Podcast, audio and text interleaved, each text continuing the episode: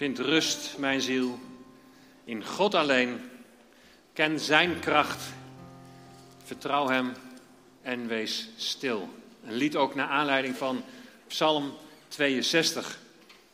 En dat is de psalm die ik vanmorgen graag met jullie wil lezen. En voordat we dat doen, gaan we daar eerst een zegen over vragen. Vind rust, mijn ziel, in God alleen. Ken Zijn kracht. Vertrouw Hem en wees stil. Laten we stil worden. Heer God, in de wereld is zoveel rumoer, zoveel onrust. En zo kan er ook in onze levens zoveel onrust zijn. Dat we met zoveel dingen druk zijn. Heer, ik weet niet hoe iedereen hier gekomen is deze morgen. Maar misschien zijn er al wat drukte momenten aan vooraf gegaan of een hele drukke week. En is het zo moeilijk om alles even stil te zetten. Om stil te worden voor u, stil te worden om te luisteren naar uw woord. En daarom hebben we zo nu dit moment van stilte, van rust, om toch proberen die knop daarin om te zetten. En we willen vragen, Heer, wilt u ons leiden door uw woord, door uw geest? Wilt u tot onze harten spreken? Heer, openbaar zo uzelf, uw genade en uw kracht. Heer, we willen stil worden om van u te ontvangen. In Jezus' naam. Amen. Psalm 62. En het thema is een schijnwereld.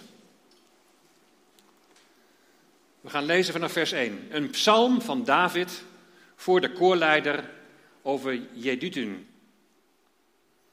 Zeker, mijn ziel is stil voor God, want van Hem is mijn heil. Zeker, Hij is mijn rots en mijn heil, mijn veilige vesting. Ik zal niet al te zeer wankelen. Hoe lang bedenkt u nog kwaad tegen een man? U zult allen gedood worden. U zult zijn als een hellende wand, een instortende muur.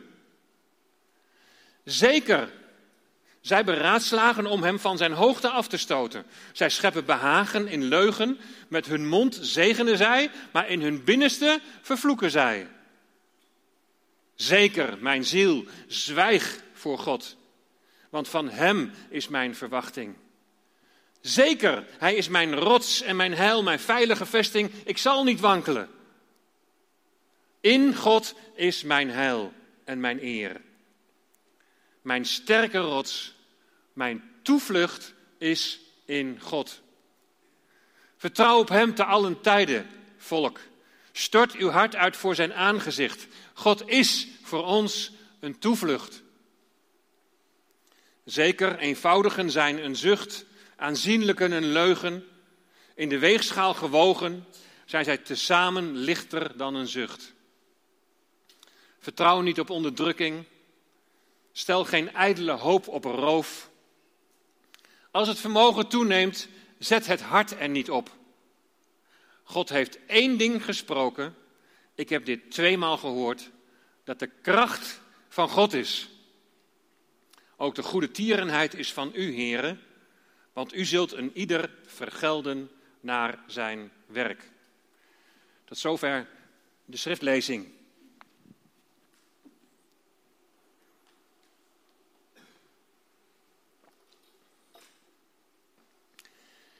Deze psalm die werd een beetje een rode draad door onze vakantie.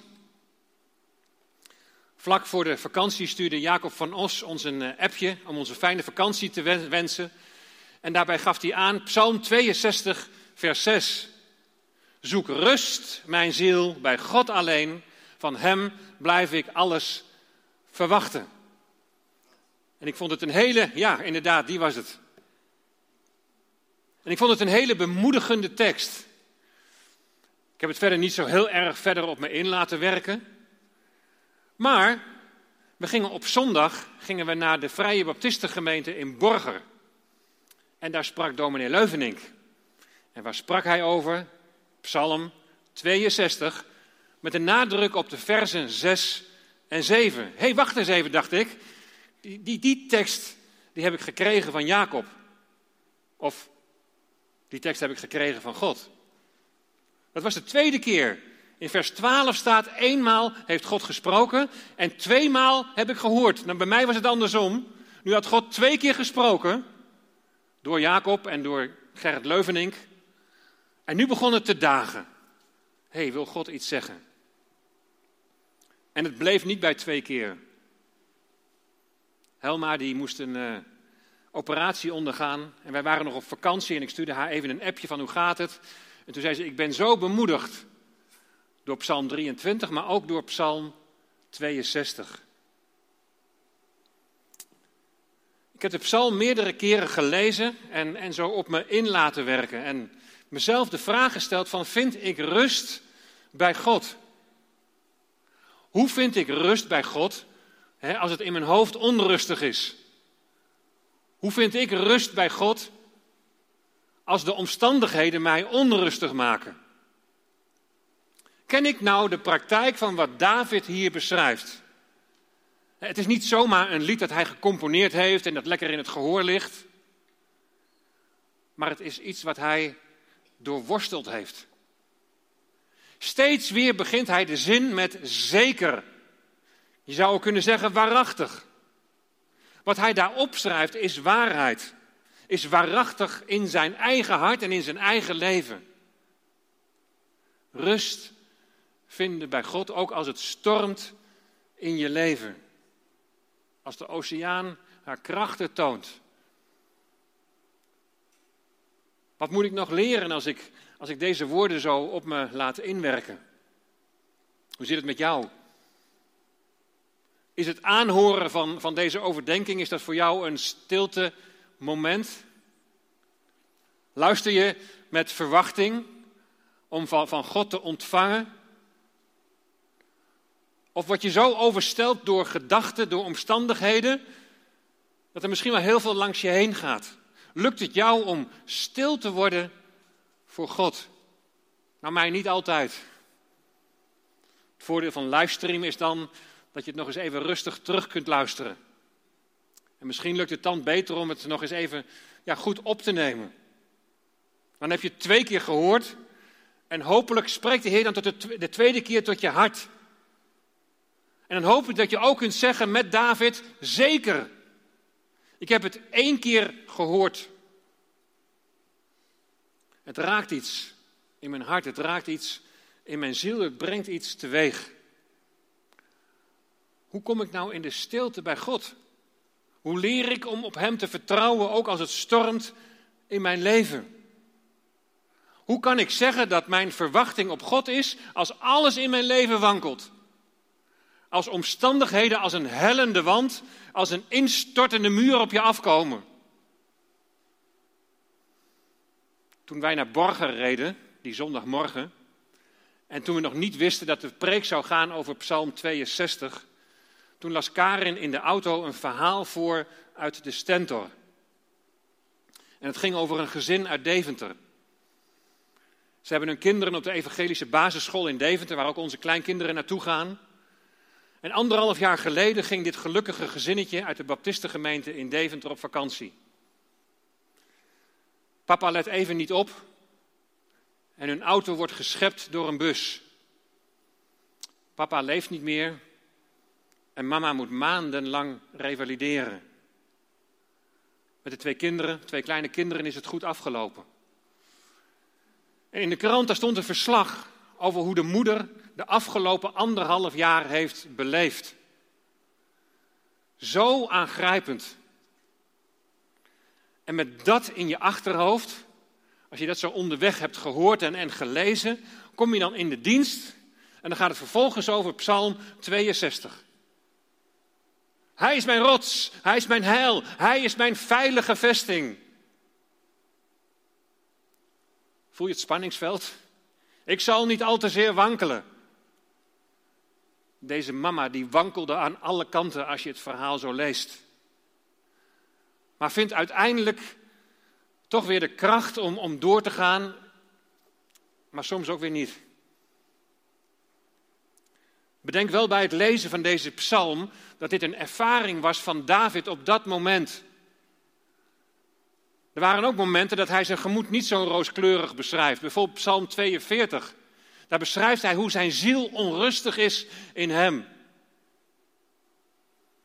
Stil worden bij God, ook als het stormt in je leven. Misschien wel heel moeilijk. Je snapt niet altijd wat je overkomt. Waarom moet mij, waarom moet ons dit nou overkomen? Had God niet kunnen ingrijpen en de bus op tijd kunnen laten remmen? Waarom moest Teun zo jong al gaan? Lijden, verdriet, rouw, pijn. dat is iets wat we willen vermijden, dat we het liefst willen uitsluiten. We willen het liefst leven in een wereld die we een beetje naar onze hand kunnen zetten. Dat God het zo voor ons regelt en dat alles harmonie en voorspoed is. We creëren het liefst een soort van, van schijnwereld, zodat we pijn en verdriet niet hoeven te voelen. Maar dat is een schijnwereld. Dat is niet de realiteit waarin wij leven. Wij stonden deze zomer op een camping, 300 meter van voormalig kamp Westerbork.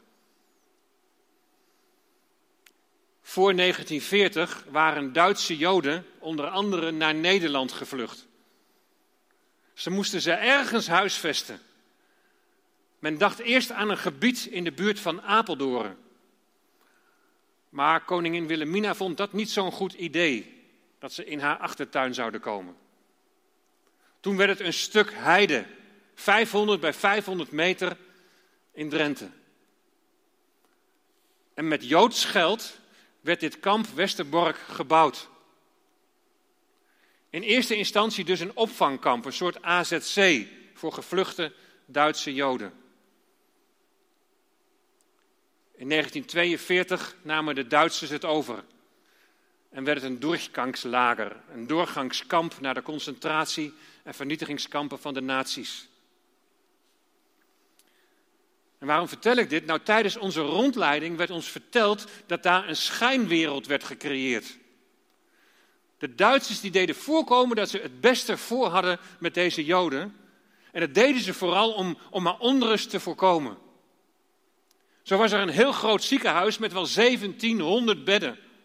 Dat was op dat moment het grootste ziekenhuis in West-Europa. Er was een school voor de kinderen. Op de appelplaats werd gevoetbald en er werd gegymnastiekt. Er waren professionele cabaretavonden. Een schijnwereld. En je zou denken van waarom een ziekenhuis als ze toch op een dag op transport gaan naar Auschwitz of naar Sobibor om daar vergast te worden. Op een dag werd een te vroeg geboren babytje werd binnengebracht in het kamp. Alles werd in het werk gesteld om dit babytje te redden. De beste kinderarts uit Amsterdam, die moest overkomen naar Westerbork. Uit Groningen kwam een couveuse. En kampcommandant Kemmiger, die gaf van zijn duurste cognac, omdat af en toe een slokje wonderen moest doen. Wonderwel sterkte het kindje aan. En toen het stabiel en levensvatbaar was, zei Gemmiger, dan kan het nu op transport. Alles werd in het werk gesteld om een schijnwereld te creëren, om zodoende de rust in het kamp te creëren en te doen voorkomen dat een vervolgtransport naar een soortgelijk kamp zou zijn en dus niet zo erg zou zijn. In het programma Nachtzoen zei Rickert Zuiderveld, we leven in een enorme schijnwereld in onze westerse cultuur. We leven in een enorme spagaat.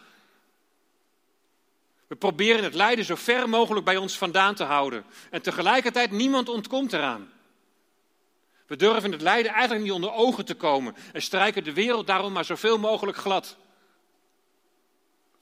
We doen alsof alles goed gaat. We laten alles er zo goed mogelijk uitzien. We delen op Facebook en Instagram delen we onze gelukkigste momenten. Foto, even lachen. En zo proberen we het lijden buiten de deur te houden. We hebben namelijk geen idee hoe we met lijden om moeten gaan. In die schijnwereld waar mensen elkaar voor de gek houden, daar hebben ze God niet meer nodig. Of God wordt verantwoordelijk gesteld voor het lijden dat er is. Wie is de Heere God voor jou als het stormt in je leven? Vind je dan rust bij Hem? Is Hij dan jouw burcht? Is Hij dan jouw veilige vesting? De omstandigheden in Psalm 62 zijn verre van ideaal. Ze beraadslagen, lezen we in vers 5, om David van zijn hoogte te stoten. Dan denk je al gauw aan de samenzwering van Absalom, zijn zoon. Stel je eens voor, niet zomaar even een familieruzietje. Je zoon wil je van de troon stoten, hij wil je kapot maken. Zijn eigen zoon pleegt een staatsgreep. Hij bespeelt de gevoelens van de mensen zo geniaal dat David hals over kop moet vluchten uit zijn eigen stad Jeruzalem. Ook Absalom creëert een schijnwereld. Hij ging bij de poort van de stad staan om mensen op te vangen die de koning recht wilden laten spreken. En dan zei hij: Kom bij mij. zorg dat ik rechter word.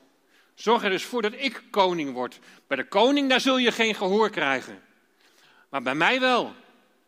Want jouw zaken zijn goed en rechtmatig. Het ging hem helemaal niet om recht doen. Het ging hem om persoonlijk belang. Mensen voor je winnen om een ander pijn te doen. Het lijkt me goed om nog iets meer te weten van de omstandigheden van Psalm 62. Zodat het nog meer diepgang krijgt en, en je het ook kunt spiegelen aan je eigen leven aan je eigen omstandigheden en hoe je daar dan vervolgens mee omgaat. David heeft op een gegeven moment wat door dat er geen houden meer aan is. En David gaat op de vlucht. David gaat Jeruzalem niet verdedigen. hey, vertrouwt hij daarin dan niet op God? Vertrouwt hij er dan niet op dat God de overwinning zal geven? In 2 Samuel 5, vers 14, daar roept David zijn dienaren op om zich gereed te maken om te vluchten.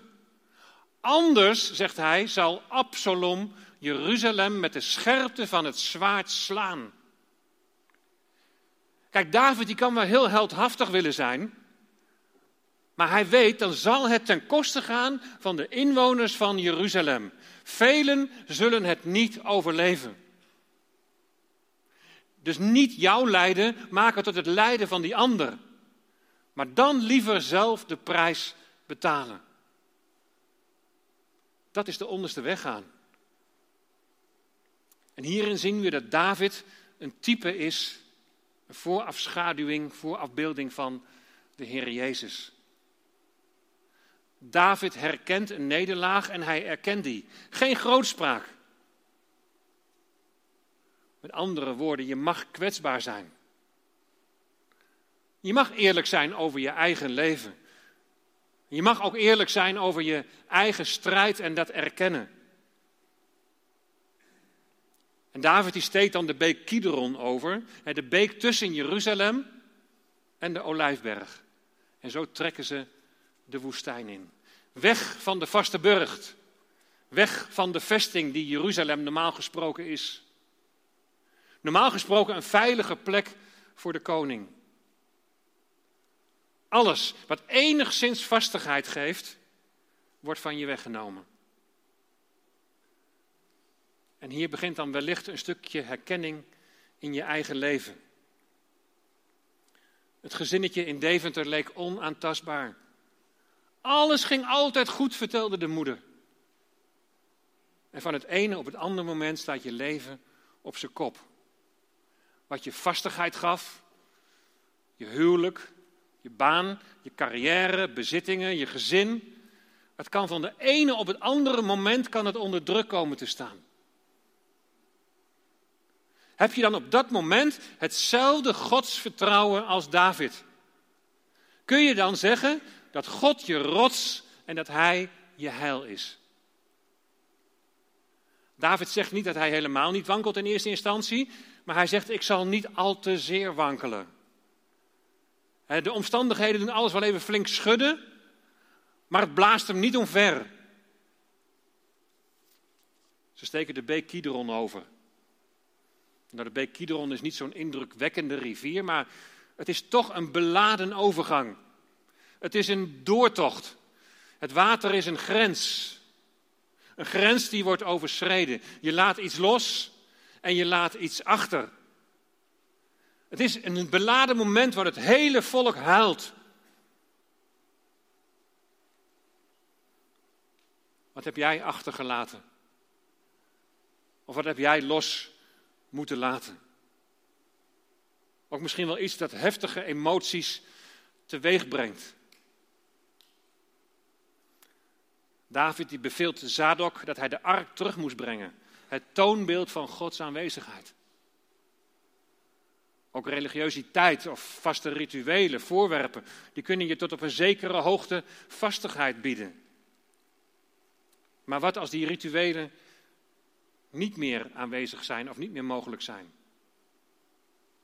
Je kunt niet meer iedere zondag naar de kerk. Of bij vervolging, je Bijbel wordt je afgenomen. Wat blijft er over? Koning David moet door het water gaan. Of het nu de doortocht is door de Rode Zee, of de overtocht over de Jordaan, of in dit geval de beek. Je gaat een grens over. Je laat iets achter en voor je, daar ligt de woestijn. Voor je, daar ligt de vijand op je te wachten. In alle gevallen van overgang worden we bepaald bij de doop. Het is het moment dat je iets achterlaat. Je oude leven. En je gescheiden leven van God. Je laat alles achter waar je tot dan toe op hebt gebouwd. Alles wat tijdelijk en kwetsbaar is. Het oude gaat voorbij. Alles wat zogenaamd vastigheid gaf, maar niet meer was dan schijnzekerheid. Het is het moment van overgave, zoals we dat ook bij David zien. David die zegt het volgende in, Psalm, uh, in 2 Samuel 15, vers 25 en 26. Als ik genade vind in de ogen van de Heer, dan zal hij mij terughalen. En hem, dat is de ark, mij weer laten zien. Evenals zijn woning, de tempel. Maar als hij dit zegt, ik ben u niet genegen, zie, hier ben ik. Laat hij met mij doen zoals het goed is in zijn ogen. Besef je dit als je de beek overtrekt? Besef je dit als je wordt gedoopt? Het oude is voorbij, niet meer ik, maar Christus leeft in mij. Niet mijn wil, maar uw wil geschieden, want God is goed. We zien hier bij David dat hij er niet op uit is om zijn positie te handhaven. Hij is eerder bereid om de gevolgen van het kwaad in zijn eigen leven te ondergaan in al zijn hardheid. Is hij hierin niet een beeld van de Heer Jezus? Bereid het kwaad in zijn leven te ondergaan? Toen Jezus de beek Kidron overstak, toen ging hij naar Gethsemane. Bereid om de gifbeker tot de laatste druppel leeg te drinken. Het kwaad in zijn leven te ondergaan. Hij was er niet op uit om zijn positie te handhaven. Filippenzen 2, vers 6 en 7. Die terwijl hij in de gestalte van God was, het niet als roof beschouwd heeft aan God gelijk te zijn, maar zichzelf ontledigd heeft door de gestalte van een slaaf aan te nemen en aan de mensen gelijk te worden. Ik ken een gemeente en daar ontstond op een gegeven moment een strijd over het wel of niet handhaven van de voorganger. De voorganger liet het niet op een stemming aankomen. Hij zei: dat zal verdeeldheid, onrust en strijd geven. En ik wil niet onderwerp, oorzaak zijn van die verdeeldheid en daarom stapte hij op. Het belang van de gemeente ging hem voor zijn positie. De onderste weggaan. De De weg die de Heer Jezus ging, de weg die David ging. Zelfs al is het nog zo onredelijk, zelfs al heb je nog zo gelijk. Door geloof in de Heer Jezus Christus is de oude mens in jou gestorven. Maar hoe komt dat nou tot uiting in de praktijk van je leven? Zodanig vertrouwen op God, dat welke weg Hij ook met je gaat, net zoals bij David, maar dat je weet, Gods weg is de beste en Hij is goed. 25 jaar geleden heb ik in Deventer een eh, gemeentescheuring meegemaakt. En er ontstond een nieuwe gemeente. En men vond er van alles van. Er werd slecht over ons gesproken. Er kwam van allerlei bagger over ons heen. Maar meerdere keren sprak de Heer door gastsprekers heen de volgende tekst. Gij zult stil zijn en ik zal voor u strijden. Gij zult stil zijn en ik zal voor u strijden. Zeker, mijn ziel is stil voor God. Want van Hem is mijn heil, van Hem is mijn verlossing. Op wat voor manier die verlossing en die bevrijding dan ook gestalte krijgt. Jaren later kwam ik in hetzelfde gebouw waar wij destijds dan samenkwamen. En daar zat nu een volle evangeliegemeente. En de voorganger zei, je moet eens een keertje bij ons langskomen. En die zondagmorgen, daar sprak Fijke Tervelde. En waar sprak hij over? Gij zult stil zijn. En ik zal voor u strijden. We hebben het destijds niet één keer gehoord, maar al die keren bij elkaar deden ons beseffen, God spreekt. Alsof die vele keren een één keer spreken van God was. En die houding proef ik ook bij David. Stil zijn en de Heer zal strijden. God heeft één ding gesproken. Ik heb dit tweemaal gehoord. Met andere woorden, het is binnengekomen. Het heeft wortel geschoten. En wat staat er dan? Dat de kracht van God is. En je voelt je misschien wel krachteloos, machteloos in datgene wat je overkomt. Hoe moet je de strijd die in je woedt het hoofd bieden? David die spreekt zijn ziel aan. En je ziel, dat staat voor je hele zijn. David spreekt zijn ziel aan, zwijg voor God. Gij zult stil zijn en ik zal voor je strijden. Je hoeft niet altijd woorden te hebben. Stil worden om God te laten spreken. In het stil worden laten blijken dat jouw verwachting enkel en alleen van Hem is. Ziel, zwijg voor God, want van Hem is mijn verwachting. Zeker, Hij is mijn rots en mijn heil, mijn veilige vesting. Ik zal niet wankelen. Jeruzalem, zijn paleis was Davids veilige vesting. Dat was zijn burcht. En David koos Jeruzalem als stad waarschijnlijk om de volgende redenen. Het lag in het niemandsland tussen Juda en Benjamin. En deze neutraliteit, dacht David, die is belangrijk voor de eenheid van het volk. David vond dat belangrijk, eenheid van het volk. Het lag strategisch goed. De vijanden moesten door de dalen en zo kon David zich goed verdedigen. En het lag bij Gion, de waterbron. Wat kon er nog misgaan?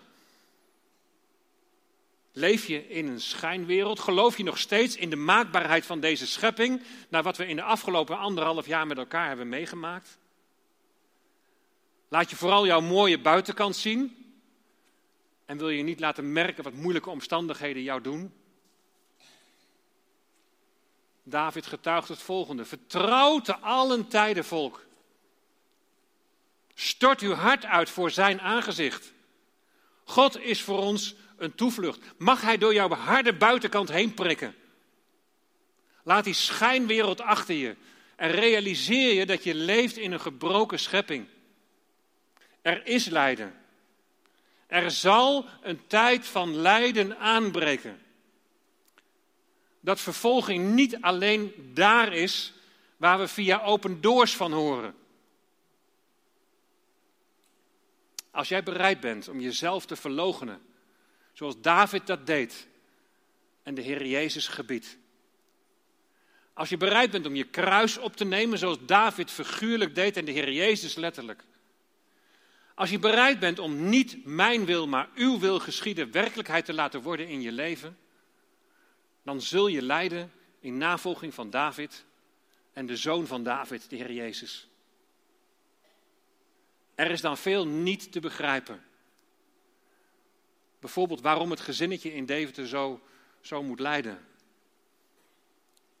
Achter onze camping, daar liepen de rails vroeger, waarop de treinen vanuit Westerbork vooral naar Auschwitz en Sobibor gingen. Mannen, vrouwen, kinderen, die met het Shema Israël, hoor Israël, de Heere uw God is één op hun lippen, de gaskamers werden ingeleid.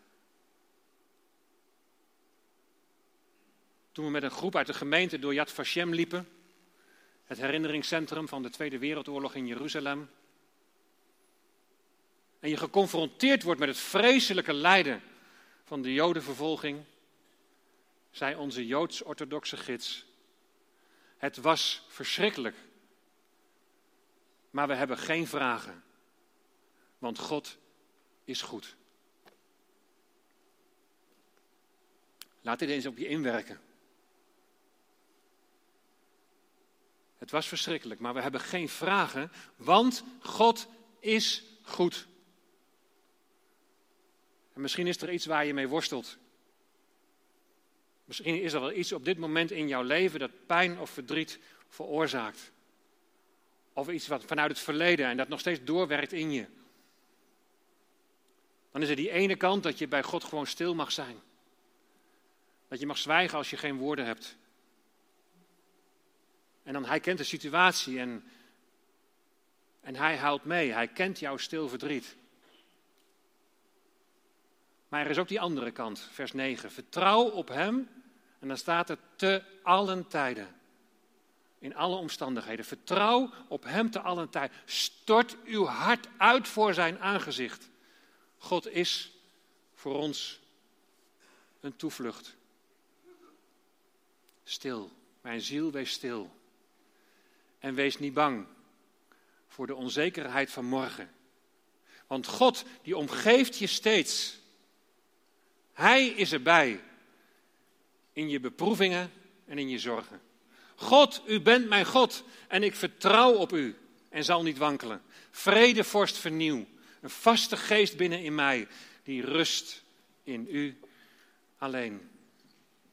Stil, mijn ziel, wees stil en, en dwaal niet af. Dwars door het dal zal hij je leiden. Ik heb verschillende gemeenteleden wat herinneringen gevraagd van Teun, Teun Verbaan. En ik weet dat de mensen geraakt zijn door een uitspraak van hem dat hij zei, in het dal, daar is het groene gras. Daar komt het bloei. Dwars door het dal zal hij je leiden. Stil, vertrouw op hem en hef je schild tegen de pijlen van verleiding. God, u bent mijn God. Stil. Mijn ziel, wees stil. En laat nooit los de waarheid die je steeds omarmd heeft. Wacht, wacht op de Heer. De zwartste nacht verdwijnt wanneer het daglicht doorbreekt. God, u bent mijn God. Ik rust in u alleen. God is goed. Amen.